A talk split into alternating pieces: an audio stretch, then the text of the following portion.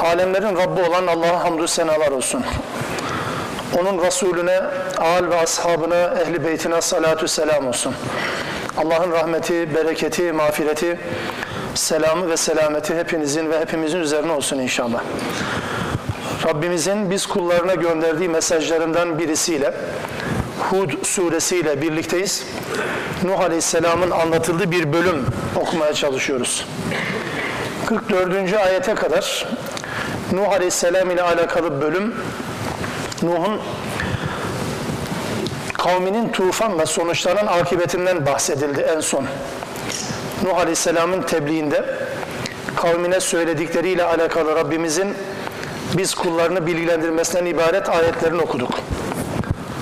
Genel muhteva itibariyle Allah'a inanan fakat Allah'ın dışındaki ilahlara yer veren bir toplum olunca Nuh'un kavmi sadece Allah'a kulluk yapmaya çağırdı onları.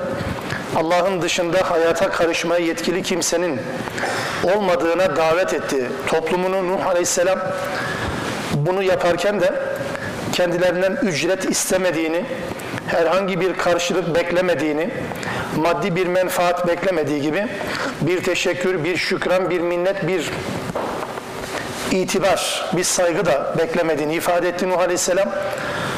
Bununla birlikte kavmi Nuh Aleyhisselam'ın tebliğinin aslında bir menfaate yönelik olduğundan şüphe ediyordu. Nuh Aleyhisselam bununla itham etti.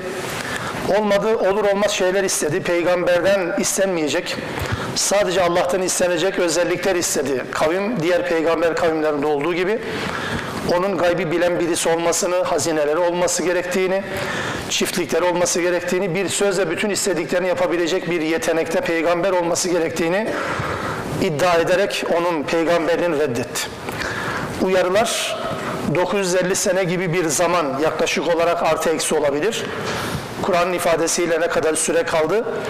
950 sene, 1000 eksi 50 sene kaldı ama tufan öncesi sonrası dahil mi? Bu anlamda uzun bir süre tebliğde bulundu. Neticede bu kavim başlangıç günlerinde Allah'ın azabı gelecek diye uyarılmış olmasına rağmen o ilk günden itibaren yüzyıllar boyunca reddettikleri azap neticede hepsinin yok edilmesine neden olacak bir helak biçiminde geldi. Adı tufandı ve yeryüzünde artık Müslümanlardan başka kimsenin olmadığı bir dünya. Nuh Aleyhisselam'ın kavminin helak edilmesiyle birlikte yeryüzü yeniden ıslah edilmiş bir yeryüzüne döndü ve daha sonra tekrar başka kavimler ifsat ederse peygamberler gönderilmek üzere Rabbimiz bize Nuh'un tufanından sonra Nuh Aleyhisselam ile kendisi arasında Allah arasında gerçekleşen bir diyaloğa yer veriyor. Bu bu konunun aslında tamamlayıcısı mahiyetinde mi? Yani bu cümleler olmasaydı konu anlaşılır mıydı? Evet anlaşılırdı. Fakat burada durmamız gereken, üzerinde düşünmemiz gereken kimi mesajların da peygamberin aleyhine gibi görünse de, peygamberin kınanmasına dair görünse de Müslümanlar yani Kur'an'ın muhatabı olan dün ve bugünün Müslümanları olarak bizim mutlaka çıkarmamız gereken dersler ihtiva etmektedir. 45. ayet ve sonrası bu işin bir nevi tetinmesi gibi, tamamlayıcısı gibi, sonucu gibi. Yani tamam anladık Nuh tufanı oldu da biz ne anlayacağız bu işten gibi bir sorunun varsayılan bir sorunun cevabı mahiyetinde bir bölüm Rabbimiz bizlere iletiyor. Okuyoruz, amel etmek, hayatımıza yansıtmak düşüncesi ve niyetiyle. Bismillah. وَنَادَ نُوحٌ رَبَّهِ Nuh Rabbine nida etti. Fekale Rabbi dedi ki Rabbim innebni min ehli. Oğlum benim ailemdendir. Ailemdendir derken yani aileye ait olduğunu ifade etmek değil bu tabi. Buradaki kastettiği yani kurtulmayı vaat ettiğin aile fertlerindendir. Kurtulması gereken benim de kurtulacağını umduğum aile fertlerinden birisiydi. Ve inne va'dekel hak bu cümle bunu ifade ediyor. Senin vaadin de haktır, gerçektir. Ehlimden olanları kurtaracağına dair söz vermiştin. Benim oğlum da benim ehlimdendir Rabbim. Ve ente ahkemul hakimin ve sen hükmedenlerin gerçekten en mükemmel hükmedenisin. En adil hükmedeni sensin. O halde oğlum benim ailemden, ehlimden olduğu halde neden kurtarmadın ki ya Rabbi diye Allah'a bir nidada bulunuyor. Bu nidayı Allah Teala bizimle paylaşıyor. Buradan bir ders çıkarmak adına. Bu oğluyla alakalı söylemiş olduğu Yani benim oğlum benim ehlimdendir, vaadin haktır cümlesi dünyadaki helak ile ilgili, dünyada tufandan kurtulma ile alakalı olabileceği gibi ahiretteki azaptan kurtulma ile alakalı da olabilir ama buradaki siyah ve sibak yani eskilerin deyimiyle siyah sibak, yenilerin deyimiyle bağlam dediğimiz bu ortamda Allahu alem daha çok dünyevi anlamda kurtuluşuyla alakalı bir endişesinden ibarettir Nuh Aleyhisselam'ın. Yani dünyada helak ortamından kurtulması gereken kişilerden birisi olarak düşünülünce Nuh tarafından oğlu onun için Rabbim bu benim ailemdendir. Sen hükmedenlerin en iyi hükmedenisin ama neden kurtarmadın ki diye bir soru sorar. Tabi burada peygamber olmak beşer olma özelliklerini iptal etmeyi gerektirmiyor. Peygamber olmak duyguları tamamen ortadan kaldırmayı gerektirmiyor. Acıma, merhamet, şefkat duygularını ortadan kaldırmıyor. Peygamber olmak bunların hiçbirisini sıfırlamaya neden değil. Nuh evet peygamberdir ama peygamber olmanın ötesinde ve öncesinde beşerdir. Beşer olma refleksiyle belki oğlunun da kurtarılanlar arasında olmasını temenni etmek gibi bir isteğini dile getirdi. Her babanın çocuğuna şefkat göstermesi gibi. Belki de konuyla alakalı daha önce var olan bir hüküm yoktu. Böyle bir durumda bir insanın kafir olan ya da küfrü tercih eden oğlunun kurtuluşu için dua edip etmeyeceğine dair bir bilgisi de olmayabilirdi.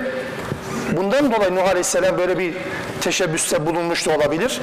Yoksa Allah'ın yasaklamış olduğunu bilmesine rağmen kalkıp buna rağmen benim oğlumu kurtar diyecek değil elbette Nuh Aleyhisselam. O anlamda böyle bir boşluktan, böyle bir açıktan hareketle benim oğlum da ehlimdendir Rabbim sen de hükmedenlerin iyisin ama neden böyle oldu diyerek Allah Teala bunu sordu.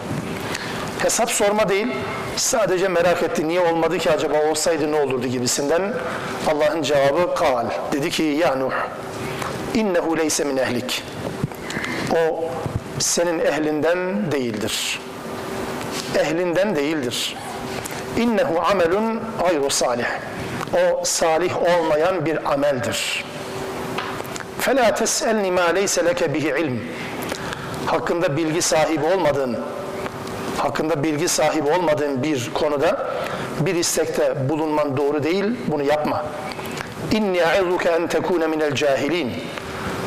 Ben sana cahillerden olmamanı tavsiye ederim, öğütlerim. Cahillerden olma. Bunu sana nasihat olarak, öğüt olarak söylüyorum dedi Allah Teala. Cümlelere dikkat edelim. O senin ehlinden değildi. Aslında ehlinden olmaz olur mu? Oğludur tabii ki. O zaman buradaki ehille kastedilen ne olabilir ki? İnnehu amelun gayru salih. Ortada bir amelden mi söz ediliyor? Yoksa bir evladın durumundan mı söz ediliyor? Dikkat ettiniz mi? Evladı anlatırken salih olmayan bir ameldir ifadesini kullanıyor. Ve üstelik böyle bir temennide, böyle bir istekte bulunmak da cahillerden olmakla nitelendiriliyor. Cahillerden olmakla.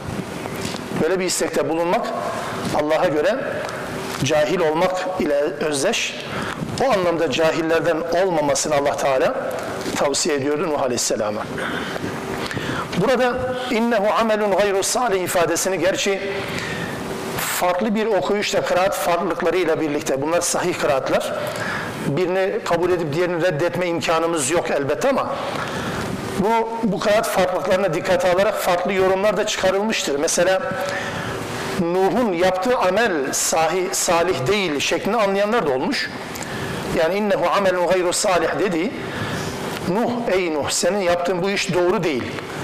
Yani senin oğlunu bağışlamayla alakalı, kurtarma isteğiyle alakalı söylediğin şey doğru bir iş değil şeklinde anlayanlar olmuş.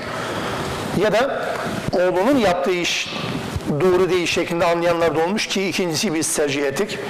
Şöyle okuyanlar da anlamaya çalışmış. Mesela innehu amile gayra salih.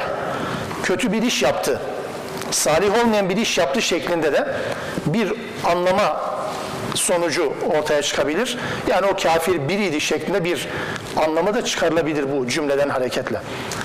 Bazen kaynaklarda o amelun gayru salih olunca salih olmayan bir ameldir cümlesini sanki veledi zinadır şeklinde yani zina gibi bir sapkın amelin sonucu gibi bir çocuk olarak takdim eden kimi anlayışlar, yorumlar varsa da bunu kabullenmek mümkün değil. İbn Abbas ta ilk dönemlerden itibaren der ki hiçbir peygamber hanımı hiçbir peygamber hanımı hayasızlık yapmamıştır der.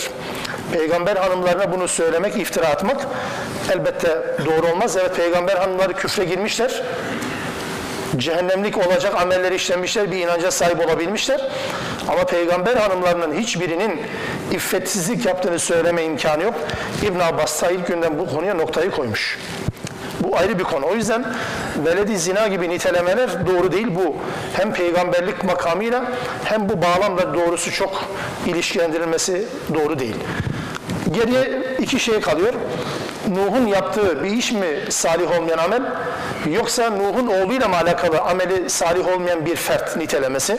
Doğrusu bu bağlamda çocukla alakalı. Yani evet Nuh'un zaten yaptığı işin doğru olmadığını Allah Teala uyarıyor ama Nuh'un oğlunun kendisiyle alakalı da innehu amelun gayru salih ifadesi önemli bir ölçüyü bize hatırlatmış olacak.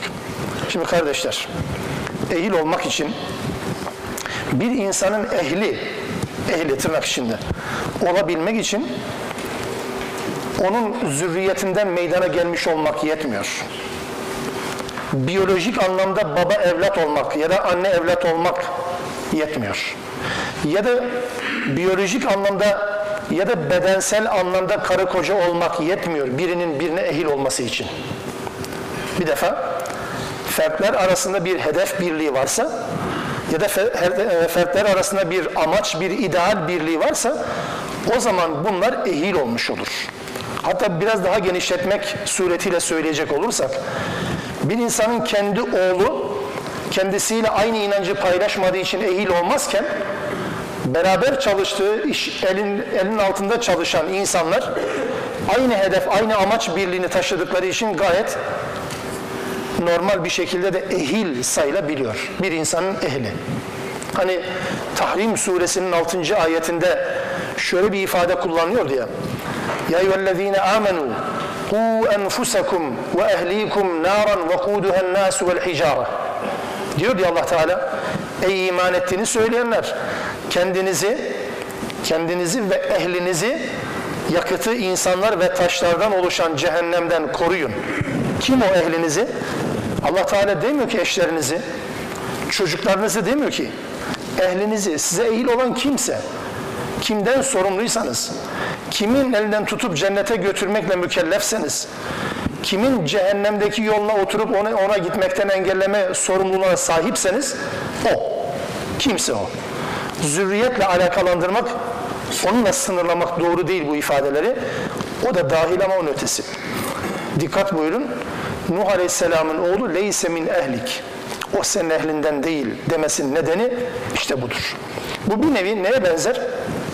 Bir insanın çürüyen bir organı, çürüyen bir dişi, çürüyen bir parmağı, kangren olmuş bir kolu, bir bacağı, neyse bunu mesela bir bedenin parçası olarak değerlendirme imkanı var mı? Yoksa ondan insan bir an önce kurtulmak mı ister? Bedenin bir parçası olmasına rağmen artık o beden sayılmıyor. O bedenin sahibi bu tip çürüyen organlardan kurtulmak istiyor adeta. Bu buna benziyor.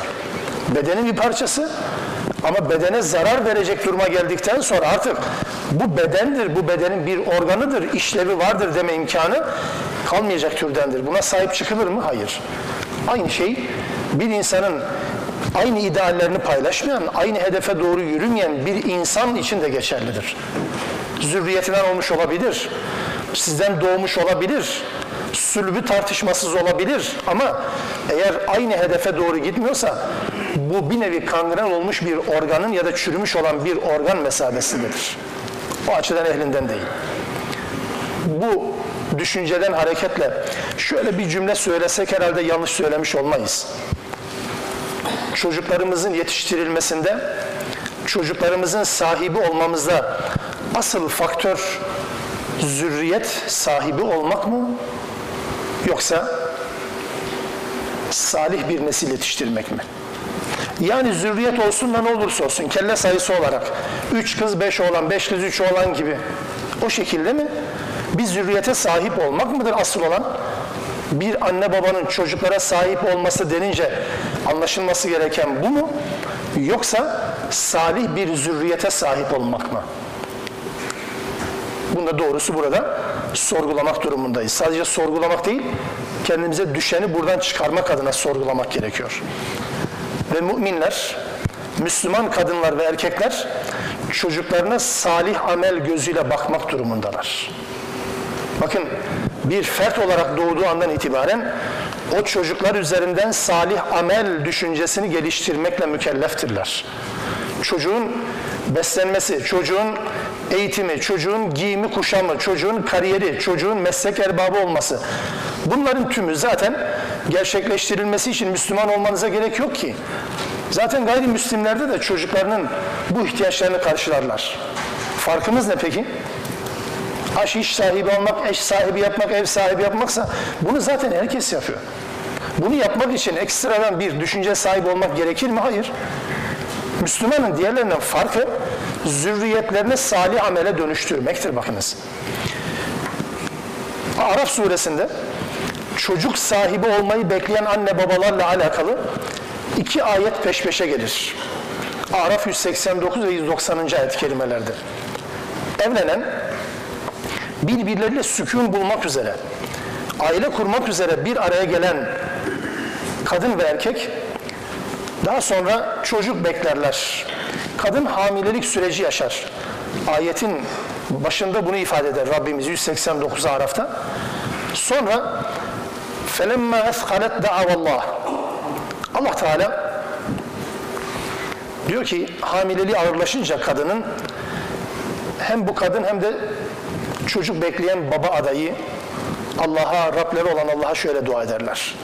Lein ateytena salihan لَنَكُونَنَّ مِنَ الشَّاكِرِينَ Bize salih verirsen şükredenlerden oluruz. Şimdi cümle şöyle de olabilir değil mi aslında? Ya Rabbi bize bir çocuk verirsen kastedilen bu olduğunu biliyoruz tamam anladık fakat bakın leyn ateytena salihan veleden salihan değil salih çocuk değil salih verirsen leyn ateytena veleden gulamen tıflen değil çocuk değil ya salih verirsen niye? çünkü her anne babanın beklentisi budur bu olmak durumundadır لَنَكُونَنَّ مِنَ الشَّاكِرِينَ Şükretmeye değer bir iştir çünkü. Salih birine sahip olabilmek. Bu vaka, realite bu. Ama her zaman bu realite gerçekleşmeyebilir. 190. ayet hayatın tam merkezinden bir cümle. Dikkat edin. فَلَمَّا آتَاهُمَا صَالِحًا Ha buradaki salih, el ayağı düzgün, sağlıklı, bu anlamlara da gelir tabii ki. Ben kelimenin anlam alanı ile alakalı detaylandırmadım. Çünkü burada çocuk denmemesi bu anlamda yetiyor. Benim iletmek istediğim, anlatmak istediğim şeyi ifade etmek için. Çocuk demedi, salih dedi. El ayağı düzgündür, salihtir, itaatkardır falandır vesaire vesaire özelliklerini yani kişinin çocuğun biyolojik özelliklerinden ziyade sosyolojik ve psikolojik özelliklerini Allah Teala anne babanın ağzından bildiriyor bize. 190. ayet فَلَمَّا آتَاهُمَا salihan Allah ne zaman onlara salih verdi? Yani istedikleri şekilde el ayağı düzgün, salih, itaatkar, nur topu gibi bir çocuk verdi. جَعَلَا لَهُ شُرَكَا فِي مَا آتَاهُمَا Allah'ın onlara vermiş olduğu çocuğu onu verene şirk koştular. Çocuk veren Allah, verilen çocuk Allah gibi değerlendirildi. Ceala lehu şuraka. Tapınmak anlamına gelmediğini hatırlatmakta fayda var mı bilmem ama gerek de var mı acaba? Tapınma değil bu. Bir anne babanın çocuğunu Allah'a ortak koşması, bir anne babanın çocuğunu Allah gibi değerlendirmesi, Allah'a ait özellikleri çocuğuna vermesi ne anlama geliyorsa o anlamda değerlendirin gitsin. İtaat bağlamında, sözü dinlenecek varlık anlamında, ne söylerse peşinden gidilecek anlamında Allah mı çocuk mu? Allah mı çocuk mu? Hangisi ön planda çıkıyorsa, hangisi ağır basıyorsa herhalde burada şirk böyle bu şekilde olmak gerekir, bu şekilde anlaşılması gerekir. Bu anlamda burada da salih vurgusu önemlidir. O zaman Müslümanlar, anne babalar, ebeveynler çocuklarının sadece bir zürriyet olarak değerlendirmeleri, bir neslin devamı anlamında bunu algılamaları doğru değil. Bunu herkes yapar. Adı insan olan herkes zaten bunu söyler, bunu düşünebilir. Ama Müslüman buna bir katma değer ilave eder. O da salih olmasıdır. Amelin salih olmasıdır. Şimdi burada Nuh Aleyhisselam'ın oğluyla alakalı söylediği ile ümmetiyle alakalı söylediğini karşılaştırmak kabilinden de olsa söyleyeyim. Ümmeti için yaptığı bir beddua var Nuh'un. O kabul ediliyor. Hani yeryüzünde bir tane kafir bırakma. Nuh suresinin sonuna doğru söylediği bir dua, beddua ya da yeryüzünde yürüyen bir tek kafir bırakma Rabbim. Çünkü bırakırsan yeryüzünde bozgunculuk yapacak, günah işleyecek kafirler doğururlar, başka iş yapmazlar dedi Nuh Aleyhisselam. Ümmetiyle alakalı yaptığı duayı kabul ediyor Allah Teala ama kendi öz oğluyla alakalı yaptığı duayı Allah reddediyor. İyi mi? Öyle zaten. Onun için duayı yapanın duayı yapanın Allah'a yakınlığı ve uzaklığından çok duanın niteliği ve duanın içeriği önemlidir. Duayı yapan aynı peygamber oğluyla alakalı yaptığı dua reddediliyor. Kavmiyle alakalı yaptığı dua kabul ediliyor. Bu da ilginç bir şey gerçekten. Çünkü küfür bu anlamda küfür yok niteliğindedir. Yani kafir olan bir oğul için yapılan dua yok hükmündedir. Hani mirasta da kafir çocuk anne babaya varis olmaz ya da kafir bir fert. İslam hukukunda öyledir. Mirasta varis olmuyor. Küfür bir nevi eksi şeklinde değerlendirilir. Yani adamın yedi çocuğu varsa bir tanesi kafirse İslam hukukuna göre bu çocukların sayısı altıdır. Miras altı üzerinden taksim edilir. Ne demek bu? Eksi bir demektir. Yok hükmündedir. Küfür ölümdür. Ölüm de küfür olarak değerlendirilir. Bu bundan kaynaklar. Onun için muhatabı olmayan, karşılığı olmayan bir kişiyle alakalı yaptığı bir dua reddediliyor ve ondan dolayı da bu sen ehlinden değil. Yok hükmündedir zaten. Nereden çıkardın ki? Böyle bir oğlun mu var sanki? Yok hükmündedir. O anlamda Müslümanlar bakın bir peygamber üzerinden, peygamber ve kavminin tufanı üzerinden baba evlat diyaloğu ve ilişkisini çok farklı bir çerçeve oturtuyor Rabbimiz. Bize düşen galiba aramıza engellerin girdiği aileler olmamak. Anne babaların arasında farklı engellerin olduğu fertler olmamaya çalışmak. Bir Müslümana düşen budur. Geçen derslerde nispeten bunu hatırlatmaya çalıştık. Yeniden bir cümleyi daha olsa hatırlatmakta fayda var. Babanın, annenin ayrı dünyanın insanı, çocukların ayrı dünyanın insanı olduğu bir hayat, bir Müslüman yaşayacağı bir hayat değildir sonuçtan bahsetmiyorum yanlış anlaşılmasın. Bu süreci sağlamak adına ortaya koyduysanız bir çaba koyduysak eğer sonuçtan Allah bizi sorumlu tutmayacak. Yapmamız gereken bu. Sonuç farklı çıkabilir. Amenna. Ama hiçbir şey yapmadan ya da çok şey yapar ama başkalarının çocuklarını eğitmek için gecesini gündüzüne katacağız. Ama kendi çocuklarımız, kendi evimizin içerisinde yangın bacayı sarmış. Bu anlamda ise ciddi bir problem yaşıyoruz. Başkalarının çocuklarını eğitmek için gecesini gündüzünü harap eden, başkasının dünyası için ahiretini feda eden ama kendi çocuklarını ve kendisinin ahiretini heder etmeye çalışan bir insan gerçekten Allah'ın razı olacağı bir insan değil elbette. Allah Teala Nuh Aleyhisselam'ı bu anlamda kınadı. Böyle bir istekte bulunmak cehaletten başka bir şey değil, sakın cahillerden olma. Nuh Aleyhisselam toparlandı. Allah'ın bu uyarısını dikkate aldı ve dedi ki Kale Rabbi inni e'udu bike min en es'eluke ma leyse li bi'ilm hakkında bilgi sahibi olmadığım bir konu. Bakın bu bilgi değil. Bilgi sahibi olduğu bir konu değildi çünkü. Hakkında bilgi sahibi olmadım. İç yüzünü bilemediğim bir şeyi senden istemekten yine sana sığınırım Rabbim dedi. Ve illa tağfirli ve tarhamni ekun minel hasirin. Eğer beni bağışlamazsan, bana merhamet etmezsen gerçekten kaybedenlerden olurum, husrana, ziyana uğrayanlardan olurum dedi. Ademce bir tavır olduğunu hatırladık değil mi? Rabbena enfusena ve illem tağfir lena ve terhamna lenekunenne minel hasirin demişti. Annemiz babamız Adem Havva. Cennetteki yasağı çiğnedikleri zaman Allah'ın da onların yasak çiğnediklerini onlara hatırlattığı zaman günahının üstüne üstüne gitmedi. İtiraz etmedi. itiraf etti tam tersine ve dedi ki Rabbimiz biz kendimize zulmettik. İtiraf ediyoruz. Bağışla bizi. Bağışlamaz merhamet etmesen kaybedenlerden oluruz. Nuh'un da duası aynıdır ve günahını itiraf etti. Ve sonra denildi ki qil ya Nuh ihbit bi selamin minna ve berekatin aleyke ve ala umemin mimmen ma'ak. Ey Nuh in bizden bir bereketle bir selametle hem sana hem de seninle birlikte tabi olan ümmetine bir bereket ve selametle in gemiden dendi. Ve umemun senumetti'uhum senden sonra nice ümmetler gelecek. Sadece sizinle ibaret olmayacak.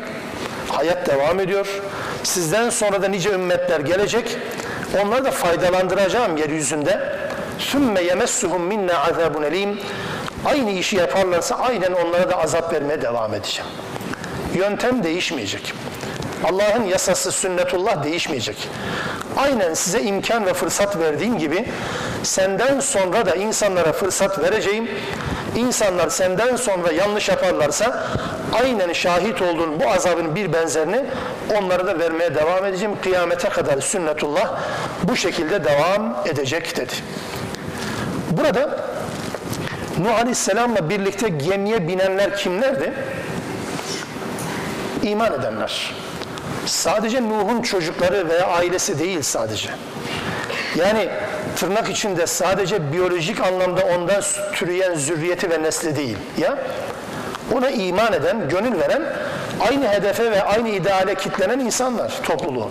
Ve ala umemin mimmen ma'ak. Seninle birlikte olan ümmete de selam olsun. Onlara da bereketler olsun, mübarekler olsun dedi Allah Teala. Bu cümleye vurgu yapmamın nedeni şu. Genelde şöyle bir yanlış algı var bizde. Müslümanlar arasında da bu algı var. Aslında Nuh Aleyhisselam'ın kavminin tufanla gark olmasından, helak olmasından, boğulmasından sonra insanlık Nuh'un üç oğlundan türedi. Bilmem Araplar hangi oğlundan, Türkler, Rumlar bilmem hangi oğlundan, bilmem işte Zenciler hangi oğlundan türedi. E peki yani Nuh'un gemisinde kurtulanlar sadece Nuh'un oğulları mıydı ki? İşte bu ifade, bu tarihi gerçek diye önümüzde duran ya da bize öyle anlatılan, bizim de öyle zannettiğimiz o düşünceyi tamamen sıfırlayan bir cümledir. Ve ummemun min men ma'ak. Seninle birlikte bir ümmet var. Ondan sonra nesil bunlardan türü bunlardan devam ediyor.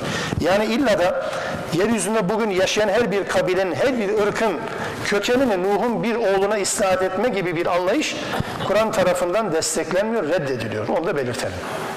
Onun için Nuh'un kavmi yani Nuh'un iman eden ve kurtulan kavmi kimse ne kadarsa nesil onlardan devam etti elbette. Sadece Nuh'un üç oğlundan yani Ham, Sam, Yafes gibi şeklinde anlatılan tarihi bilgiler var ya bu bilgiler Kur'an-ı Kerim'in bu ifadesiyle çok örtüşmüyor. Bunu da tasih etmiş olalım en azından Kur'an'ın bu ifadesiyle birlikte. Nesil iman eden gemideki Müslümanlardan tekrar çoğaldı ve türedi. Yani Nuh ikinci Adem'dir diye zaman zaman tekerleme gibi kullandığımız cümleler sadece Nuh'un kendisiyle alakalı değil. Nuh'la birlikte yeniden hayat devam etti, başladı ya da diyebilirsiniz. O anlamda söylenir. Yoksa Nuh bütün tek başına değil, bütün insanların ikinci Adem'i, ikinci atası anlamda değil. Yani Nuh Aleyhisselam'ın tufanıyla, kavmin tufanıyla birlikte başlayan bir yeni süreç, yeni bir canlanma, yeni bir hayat. O anlamda belki söylenebilir. Bunu anlattıktan sonra Rabbimiz tilke minen ba'il gayb. İşte bu gayba ait haberlerdendir. Gayba ait haberlerdendir. Zihnimizde gayb dendiği zaman ne anlıyoruz? Gayb. Herhalde daha çok insanın zihninin kavramadığı şeyler. Hatta bazen de şöyle düşünülebilir. Gelecekle alakalı şeyler. Gayb haberi olarak. Yani şu anda yanımızda olanlar gayb mı? Değil zannedilir. Ya da mesela bizden önce yaşanmış mesela düne dair bilgiler gayb olur mu? Yok zannedilir. O anlamda dikkat edin bakın. Tilke min enba'il gayb. Bunlar gayb haberlerindendir. Gayb haberi dediği ne? Geçmişte yaşanmış. Gelecekle alakalı değil. O zaman gayb eğer sadece gelecekle alakalı şekilde tanımlanıyorsa bu yanlış. Gayb geçmişe dair haberleri de kapsıyor. Tilke minen ba'il gayb. Bunlar gaybın haberleridir.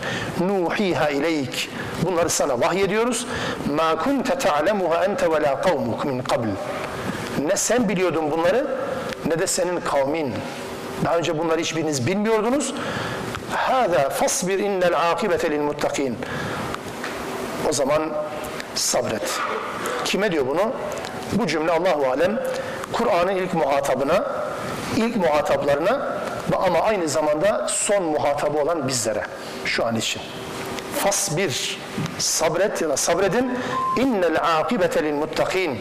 Akibet yani gerçekten güzel sonuç, insanı mutlu eden, insanı rahata erdiren sonuç müttakilerindir. Allah'tan sakınanlarındır asıl akibet.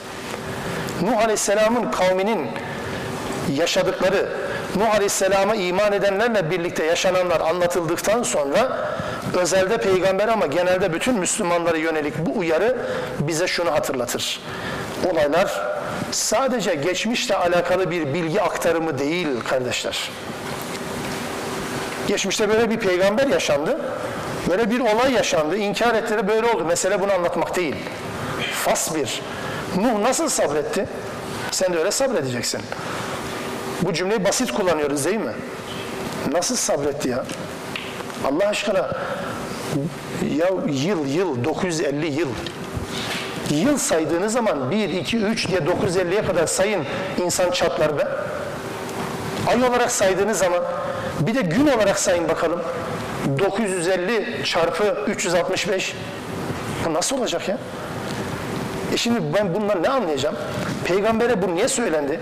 Araf Hud suresi nazil olduğu zaman Hud suresinin bu bölümü nazil olduğu zaman peygamberin durumu neydi ki Allah Teala ona sabret dedi?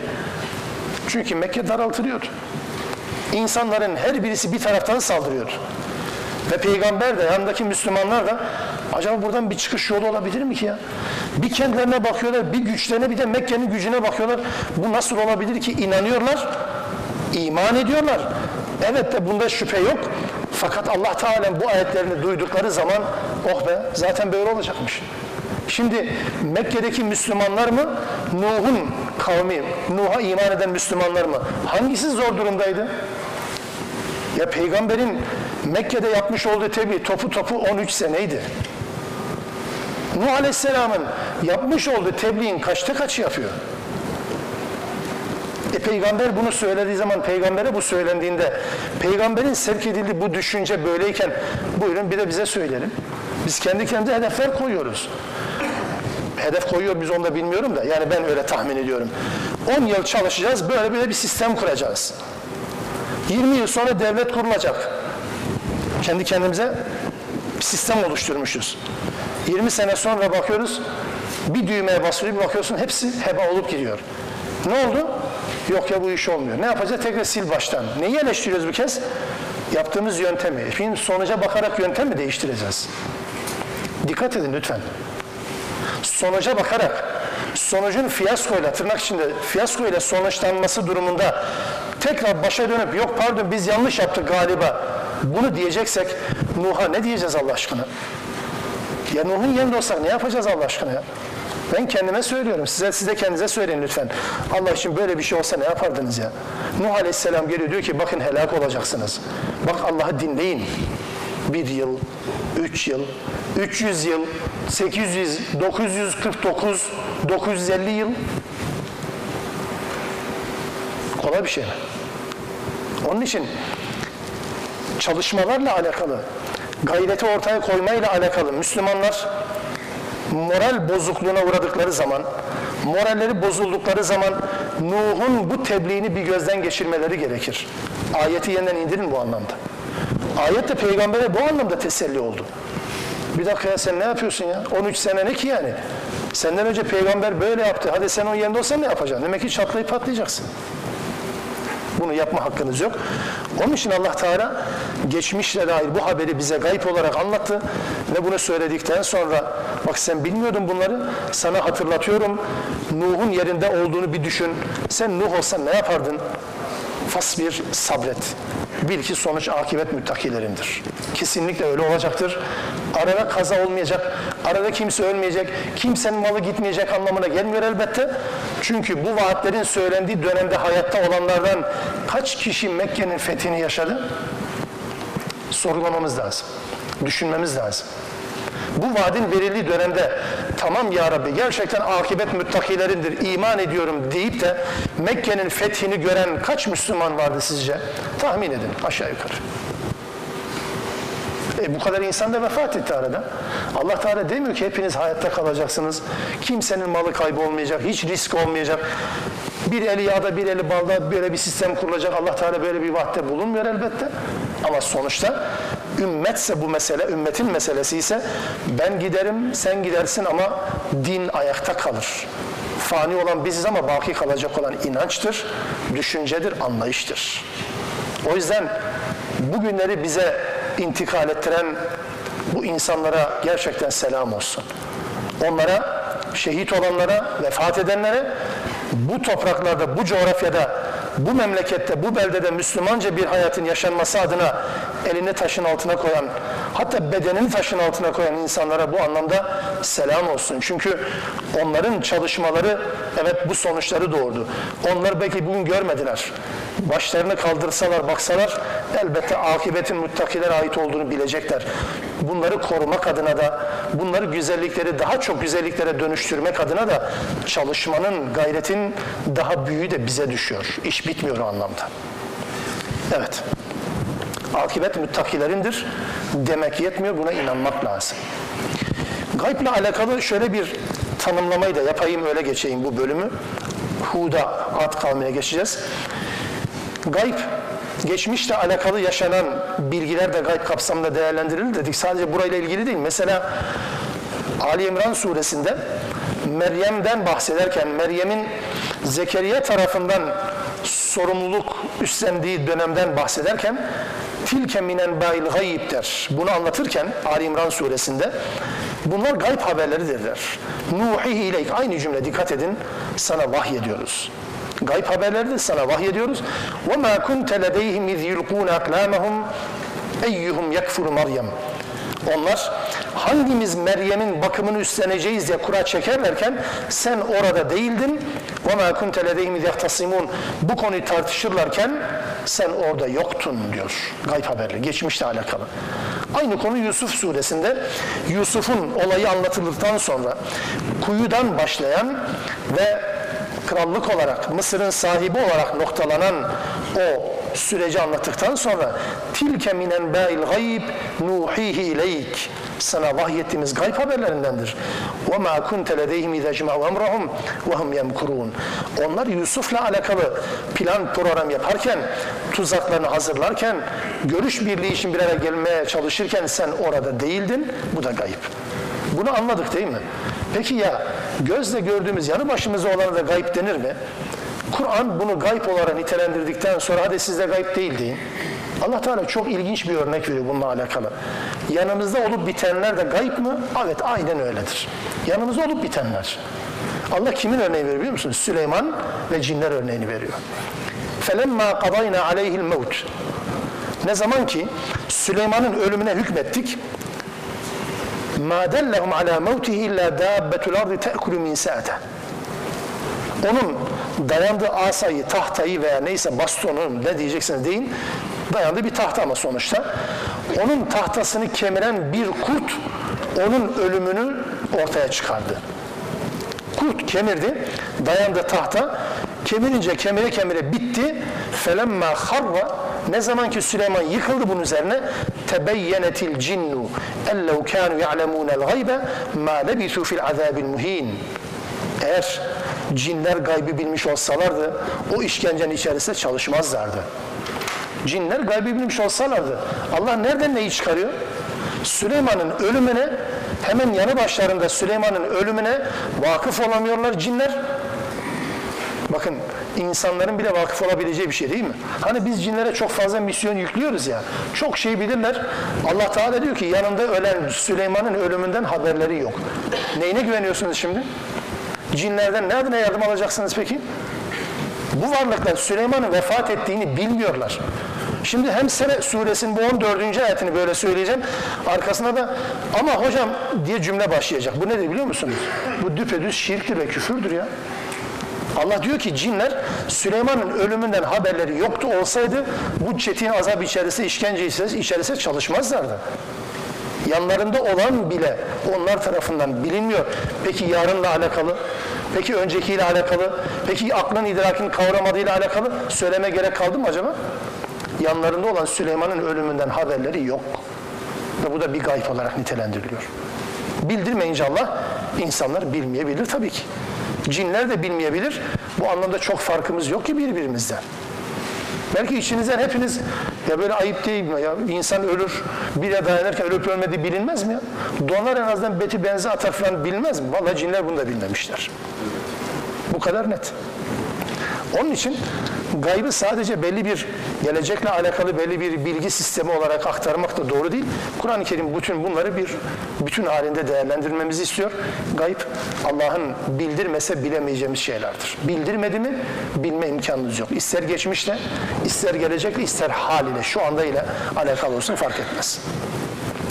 Bir kavmi Allah Teala anlattıktan sonra bu sefer başka bir kavim. Kur'an-ı Kerim'de anlatılan kavimlerden hiçbirisi diğerine benzemez. Bunu prensip olarak kabul etmek durumundayız. Yani şöyle, Allah Teala aynı özellikleri anlatmak üzere iki tane kavmi örnek olarak vermiyor. Bir kavimden bahsediyorsa, başka bir kavimden bahsediyorsa farklı bir boyutuyla bahsediyor demektir. Birbirine benzeyen özellikleriyle, yöntemiyle birbirine benzeyen iki kavmin örneği yok bu yüzden. O zaman şöyle diyelim başta söylediğimizi. Allah Kur'an-ı Kerim'de hangi kavimlerden bahsetmişse, hangi kıssalardan söz etmişse kıyamete kadar Müslümanların karşılaşacağı ideal örnekler ya da modeller bunlardır. Yani ya Ad'tır, ya Nuh'tur, ya Semud'tur, ya Şuayb'tir, ya şudur, ya budur. Başka yok. Diğer peygamberlerin anlatılmama gerekçesi de Allahu Alem budur. Allahu Alem. Yani diğer peygamberlerden birisi anlatılacak olsaydı mesela İlyas'ın ya da El Yasa ya da Zülkifil bu peygamberlerin kavimleri niye anlatılmadı ki diye sorabilirsiniz. Sanki bunun cevabı şöyle gibi anlamaya çalışıyoruz. Kur'an'da Zülkifil anlatılsaydı mutlaka anlatılan peygamber ya da kıssalardan birine benzeyecekti. Ne gerek var? Zaten var. Buradan ibret aldıysan yeter. İkinci bir örneğe zaten gerek yok. Boşuna şişirmeye gerek yok der gibi bir şey oluyor. O açıdan her kavmi kendi çapında bir model, bir örnek olarak Rabbimiz anlatır. Ve ila adin ahahum huden. Ad kavmine de kardeşleri Hud'u gönderdik. İçlerinden çıkan bir peygamber olarak Hud'u gönderdik. Kale dedi ki ya kavmi abudullah ma lekum min ilahin gayruh. Kavmim, hemşehrilerim Allah'a kulluk yapın. Sizin Allah'tan başka ilahınız yok. İn entum illa muftarun. Siz sadece ve sadece ona şirk koşmaktan başka bir şey yapmıyorsunuz. Yani Allah'ın ortakları var demek Allah'a en büyük iftiradır. İftira atmaktan başka bir şey yapmıyorsunuz, şirk koşuyorsunuz. Yapmayın bunu. Yine aynen Nuh'un tebliği gibi. Allah'ın varlığına iman eden ama Allah'ın varlığıyla birlikte yanına başka irili ufaklı tanrılar koymaktan da kaçınmayan, onsuz yapamayan, onlarsız yapamayan bir toplum örneğidir Ad kavmi. Sadece bu ortak özellik olduğu için söylemiyorum. Başka özellikler olması lazım ki bu demin ifade etmeye çalıştığım husus pekişmiş olsun. Ad kavmi Arabistan'ın güneyinde, bugünkü coğrafi bilgilerle söylersek Yemen civarlarında. O civarda yaşadığı bazı tarihi tetkiklerle, bilgilerle ortaya çıkmış bir kavim. Ad kavminin özelliği, mesela Araf suresi şöyle bir bilgiyle biz bunların Allah'ı bilen bir toplum olduğunu anlıyoruz. Allah'ı bilen ama sadece Allah iş yapar mı? Bundan endişe eden bir toplum. İlginçtir. Kalu Hud'a diyorlar ki Ad kavmi Eci'tena line'abudallaha vahde Yani sen sadece ve sadece Allah'a kulluk yapalım diye mi geldin bize? Sadece Allah'a, tek başına Allah'a kulluk yaparım diye mi geldin sen? وَنَذَرَ مَا كَانَ يَعْبُدُ آبَاؤُنَا Atalarımızın tapındığı şeyleri bırakalım diye mi geldin sen bize? Yapma. Böyle bir şey olmaz. Bunu reddediyorlar. لِنَعْبُدَ اللّٰهَ وَحْدَهِ Tek Allah'a nasıl kulluk yaparız? Bu olacak şey mi? Bu olur mu? Bunu anlamakta zorlanan bir toplum. Ve Ad kavminin özelliği benzeri yaratılmamış bir toplumdur. Hangi itibarla bunu söylüyorum? Mesela 14 asır önce bu ayetler indiği zaman Mekkelilere, ilk muhataplara benzeri yaratılmamış cümlesi ne anlamı ifade ediyordu? Yani Nuh'un kavmiyle Mekke'de bu ayetlerin indiği toplumun arasında zaman dilimi olarak kaç bin yıl ya da kaç yüz bin yıl geçmiş olabilir? Tahmin etmeye kalkmayın, tahmin edemezsiniz. Peki buna rağmen Allah o günün muhataplarına dedi ki İrame zâtil imad elleti lem yuhlak misluha fil bilad su sahibi, direkleri olan, kalabalık olan, nüfusu ve nüfuzu olan bir toplum hiç benzeri yaratılmamış. Ne için benzeri yaratılmamış? Bugün de bu cümleyi kullanıyorsanız evet bugün de benzeri yok. Benzeri yaratılmamış demek elektrik santrali yok şu anlamda değil. Bu güç sembolü değil ki. Bunlar geçici şeyler. 40 yıl önce bu yoktu, bu, bu, bu yıl bunlar var. 40 yıl sonra bunlar olabilir mi? Olmayabilir. Güç bu değil ki kalıcı olan şeydir güç ve o anlamda benzeri olmayan bir toplum. Ve en önemli özelliklerini biz şu Şuara suresinden okuyoruz. Etebnune bi kulli ri'in ta'besun ve tettehizune masani'a leallekum tehludun ve izâ bataştum bataştum cebbârin. Her yüksek tepeye sırf iş olsun diye bina yapan bir toplum. İlginçtir. İhtiyaç olduğu için değil. Oturmaya ihtiyaç var. Nüfusu arttı, gelen misafirler arttı, evi genişletmek gerekiyor. Böyle değil. Sadece hava olsun diye ve sadece kendine tatmin için ta'besun, abes olsun diye bina yapan bir toplum. Ve yüksek anıtlar, binalar yapan, olur olmaz her yere anıtlar diken. Ne anıtı? Bilmem ki kedi, köpek, ağaç, çiçek, böcek, anıt yani. Her yere dikiyorsunuz, dikiyor. Ne işe yarıyor? Kimse de sormuyor. At kavmin özelliği. Aman Allah'ım ne kadar da modern bir toplummuş aslında. Aynısını bugün yapıyorlar. Ve bir özelliği zorba bir toplum. Tuttuğunu koparan, istediğini alan insanlara zulmeden bir toplum. Ad kavminin özelliği bu. Ad kavminden önce de peygamberlerin olduğunu anlıyoruz yine. Bu da önemli bir nokta. Ahkaf suresinde. Ahkaf aslında Ad kavminin bulunduğu bölgedir. Yemen bölgesi Ahkaf. Aynı zamanda bir sure ismi olarak da geçer. وَذْكُرْ أَخَا عَادٍ اِذْ اَنْذَرَ قَوْمَهُ بِالْاحْقَافِ Ahkaf bölgesinde kardeşleri Ad'ın kardeşi Hud onları uyardı. وَقَدْ خَلَتِ النُّذُرُ مِنْ بَيْنِ يَدَيْهِ وَمِنْ خَلْفِهِ Onlardan önce de birçok uyarıcılar geçmişti. Dikkat ettiniz mi? Nuh ile Hud'un arasında, Nuh kavmi ile Ad kavmi arasında nice uyarıcılar gelmiş mi? Amenna. Ahkaf suresi 21. ayet bunu ifade ediyor. Nice uyarıcılar gelmiş ve onlara bunu anlatmışlar. Peki Allah neden onlardan bahsetmedi? Bir model yeter, alın Hud'u örneğin, öğrenin yeter. Daha önce de bu peygamberler gelmiş ve geçmiş olduğunu buradan anlıyoruz. Şimdi tekrar Hud'a dönüyoruz. Hud ne söyledi? Ya kavmi, la es'elukum aleyhi ecran. Ben sizden bir ücret istemiyorum. Bir mükafat istemiyorum. Alkış istemiyorum. itibar istemiyorum. İn ecriye illa alellezî fatarani. Benim ücretim beni yaratan Allah'a ait o verecek. Efela ta'kilun. Hiç düşünmediniz mi ya? Neyi düşünmediniz mi? Yani böyle bir beklentiyle gelmiş olsaydım başıma iş açar mıydı ya? Bu toplumun değerleriyle çatışan bir düşünce, bu toplumun kabul etmediği bir düşünceyi ilan edip kendi elime kendi elimi tehlikeye sokar mıydı? Böyle bir şey olabilir mi? Hiç akletmiyor musunuz? Toplumun kabul ettiği bir değeri ortaya koymak itibar sağlar.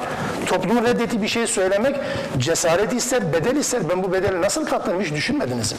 Ücret de istemiyorum, köşe de dönmüyorum sizden. Hiç aklınız ermedi mi? İlk peygamberin cümlesi, Hud'un cümlesi, son peygamberin cümlesi olmaya devam eden bir cümle. Ücret. Geçen derste üzerinde çok durduğum için söylemiyorum. Uzatmamak adına sadece kısa bir hatırlatma.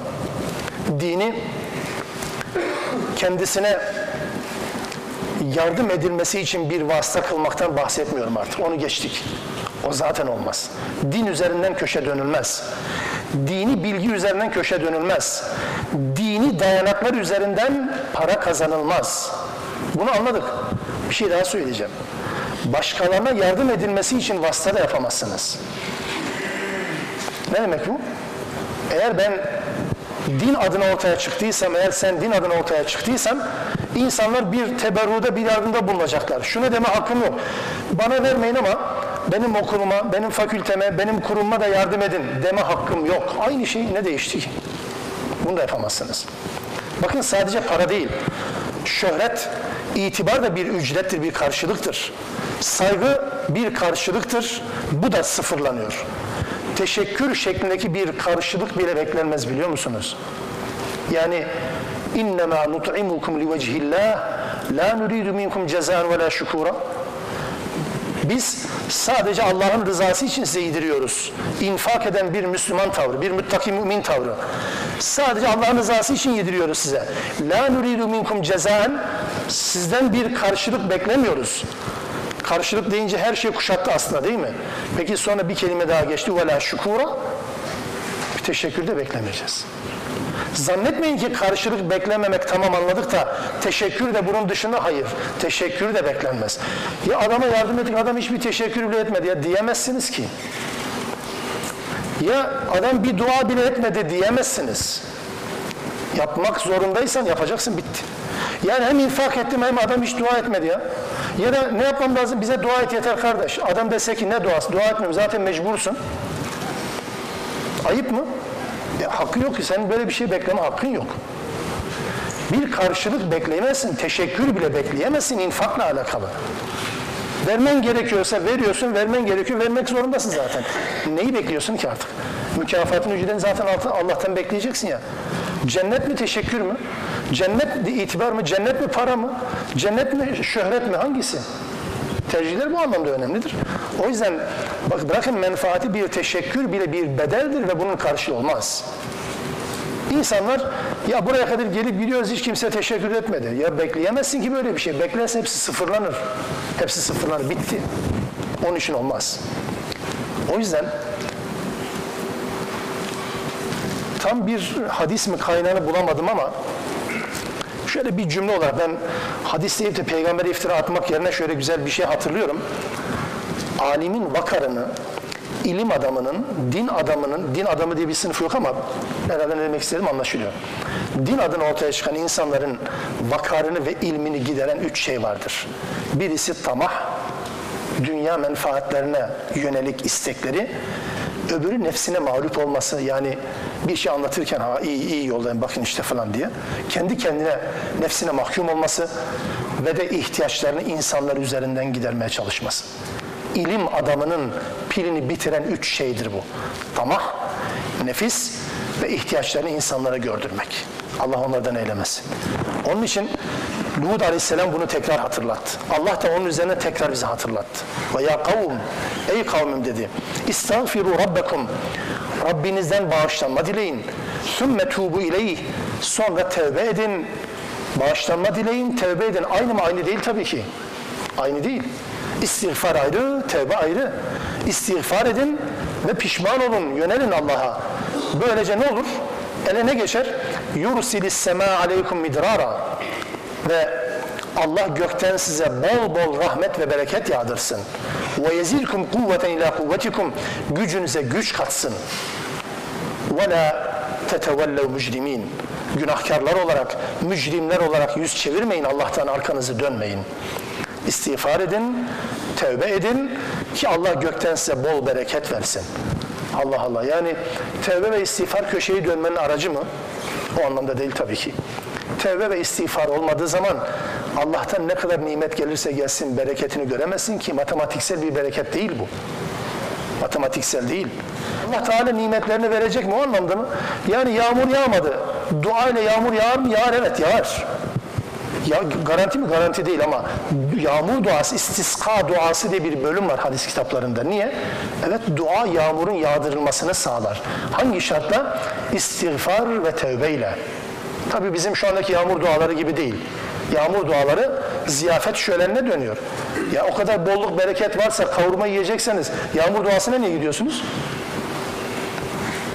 Haksız mıyım yani? Böyle yağmur duası mı olur? Yağmur duasında son derece zelil, son derece muhtaç, son derece mağdur bir görüntüyle hatta bütün çocuklar, bütün hayvanlar, hatta elbiseler tersine çevrilir. Niye? E bizim elbiseler tersine çevirse tersi zaten düzü gibi fark etmiyor ki. Hangisi? İnsanlar yani mağduriyetini üzerlerinde hissettirerek dua ederler. Yağmurun yağdırılması adına. Evet yani böyle bir imkan var. Fakat sadece bunu söylemiyor Allah Teala. İstiğfar ve tevbe kulun hayatta yaşadığı şeyleri anlamlandırması için bir yöntemdir. Allah'la ilişkiyi kurduğunuz zaman bütün konuları rahatlarsınız. Öbür türlü mü gücünüz yetiyorsa değiştirin hadi. Allah'a istiğfar etmeyin, yönelmeyin. Hayatta karşılaştığınız problemleri kendi gücünüze çözmeye çalışın, çözebilirseniz. Beş fabrikası olan da mutsuz, değil mi? Maaşı 10 trilyon olan da mutsuz. Evine hiç eksik, evinde hiç eksiği olmayan insan da rahat yok ki. Öbürü de asgari ücrete geçiniyor. Elhamdülillah diyor ya. Niye? Matematiksel anlamda eğer bereket getirecek idiyse bu nasıl bir şey? Beş bin mi fazla, bin mi fazla? Bin, beş binden fazladır tabii ki berekete taalluk etmesi itibariyle. O anlamda istiğfar ve tevbe hayatı anlamlandıran şeylerdir. İstiğfar ile tevbenin farkı nedir derseniz kısa bir parantez açayım. İstiğfar günah için yapılmaz. İstiğfar her an yapılır. Hatta farkında mısınız? Namazı kıldıktan sonra aleyhissalatü vesselamın tavsiyesi Esselamu aleyküm ve rahmetullah arkasından Estağfirullah, estağfirullah, estağfirullah. E namaz kıldın günah mı işledin ki? Namaz kıldıktan sonra ne istiğfar yaptık? İstiğfar, kulun acziyetini yaratıcısına arz etmesidir. Ya Rabbi ben namaz kıldım ama ben gibi bir kuldan ancak bu kadar olur. Eksiklerimi sen tamamla. Ben istediğin gibi kulluk yapmaktan acizim. Bu acziyetimi sen telafi et. Ben bir yaptım sen iki say. Ben iki yaptım sen beş say ya Rabbi demektir istiğfar. Tevbe ise bir günahtan kaynaklanan bir pişmanlıktır. Bir pişmanlıktır kelimenin tam anlamıyla. İşlerin, işlediğiniz veya işlediğimiz günahlardan dolayı içimize bir pişmanlık duymaktır. Pişmanlığımızı dile getirmek tevbe değildir. Tevbe edilen şeydir. Söylenen şey tevbe değildir. Edilir. Yani amellerle edilir. Organlarla, amellerle edilir. Yani dış dünyaya yansır bunun tevbesi. Yalan mı söylemiştin? Tevbe ederseniz doğruyu söylersiniz. Gıybet mi etmiştiniz? Gidin gıybet ettiğiniz insandan hakkınızı helal etmesini dileyin. Evet bunun tevbesi budur. Yoksa tevbe ya Rabbi ben günah işledim beni bağışla. Olur tamam ben de yazayım. Öyle mi diyecek Allah Teala? Tevbe bu değil ki. Sözlü değil o yüzden diyorum bakın. Sözlü kısım tevbenin en küçük birimidir. Asıl birimi eyleme dönük olanıdır. İstiğfar bu anlamda ayrı, tevbe ayrı. İkisi bir insanın hayatına girdiği zaman işte kulluk orada gerçekleşir. Görmez misiniz? Kur'an-ı Kerim'in en son inen suresinin en son ayeti. Fetih gerçekleşti mi? İzâ câe nasrullahi vel feth ve râeyten nâse yedhulûne fî dînillâhi efvâca. Fetih geldi mi? Tıkanıklıklar aşıldı mı? Süreçler bitti mi? Artık rahata erdiniz mi? Eskisi gibi kulluk yapma üzerinde baskılar kalktı mı? O zaman insanların bu dine fevşöş girdiğini, Müslümanlığı öğrenmek adına herkesin hareketlerini gördünüz mü? Fesebbih bihamdi rabbik.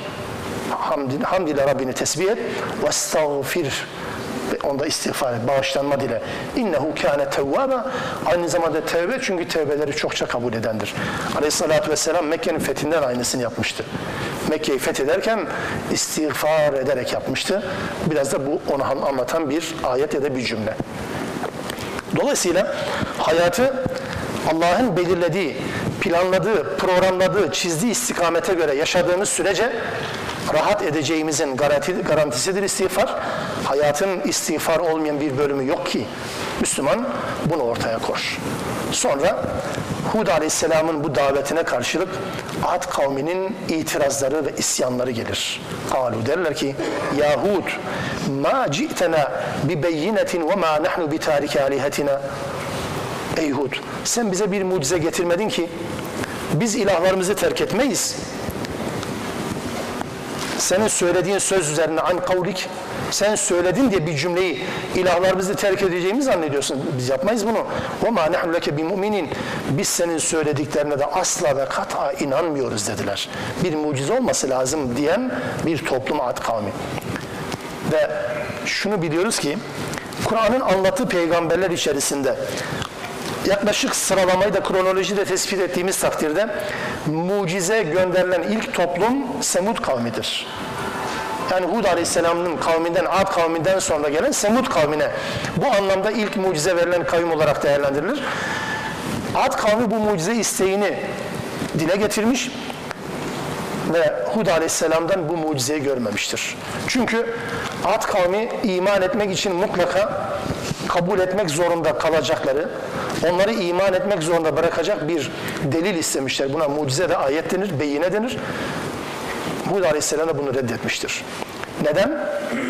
Tarihte mucizeyle gönderilen kaç tane peygamber var dersem kaç kişi sayabilirsiniz ki? Salih devesiyle ilk dönemler, orta dönemler Musa asası ve eliyle, son dönemler İsa aleyhisselam ölüleri diriltmesi, hastalığı iyileştirmesi, insanların evlerinde biriktirdiklerini haber vermesiyle ya da çamurdan kuş türü şeyler yapıp onlara Allah'ın izniyle ruh üfürmesiyle. Mucizeler bunlar. Aradakiler mi? Aradakiler lütuftur. Allah'ın Süleyman'a lütfu, Allah'ın İbrahim'e lütfu, Allah'ın Davud'a lütufları bunlar var. Allah'ın Muhammed Aleyhisselam'a lütfu. Mucize niye yok dersiniz? Çünkü mucize imana zorlayan bir etkendir. Allah Teala insanların zor altında kalarak iman etmelerinden yana değil. İstiyor ki Allah herkes özgür iradesiyle yani kalbine, aklına kulak versin ve onu nereye yönlendiriyorsa ona iman etsin. Yoksa Yoksa öbür türlüsü iman etmek zorunda bırakan etkenler kişileri iman ettirmez. İman ettirmiş gibi görülür sadece. Buna da iman denmez, bilgi denir. Onun için mucizeler imana zorlamanın bir şeklidir. İnsanın özgür şekilde iman etmesinin önündeki en büyük engeldir. Mucizeyle iman eden kaç kişi var derseniz kişilere takılmak adına söylemiyorum. Farklarını yanlış anlamayın ne kadar insan var derseniz Salih'in devesi öldürüldü. Mucize, hani mucize gelecek iman edeceklerdi. Hiç fiyasko. Musa Aleyhisselam'a iman eden İsrailoğullarına bakın hizaya gelin. Bakara suresine baştan sona mucizeyle iman eden İsrailoğulların ne menen bir iman ettiklerini anlatıyor Allah Teala. Bu toplumun en büyük örnek alması gereken yanlışlarından hareketle dikkat etmesi gereken bir toplum olarak anlatır İsrailoğulları. O da mucizeyle iman ettiğini varsayın hadi. Peki başka? Ee, İsa Aleyhisselam'ın kaç tane havarisi vardı? 12 kişi. Hepsi bu kadar ya. Mucizeyle iman olmaz. O yüzden Allah Teala mucizeyle ilk elden peygamberler göndermemiştir. Böyle bir yasası yok. Arızi bir durumdur, istisnai bir durumdur mucizeyle peygamber göndermek. Peygamber aleyhisselamın da dahil olmak üzere Kur'an dışında insanları davet ettiği bir mucizesi, bir ayeti, bir işareti elbette yoktu. İtirazlar bu bağlamda devam etmiş olacak. İnşallah önümüzdeki hafta bu 55. ayet-i kerimeden, 54. ayet-i kerimeden itibaren Hud Aleyhisselam'ın kavmi adı anlamaya çalışacağız. Ve buradan da ibret almaya çalışacağız. Günümüze yansıması gereken dersleri çıkarmaya çalışacağız. Rabbim istikametten ayırmasın inşallah. Subhaneke Allahümme bihamdik. Eşhedü en la ilahe illen testağfiruk ve etubu ileyk.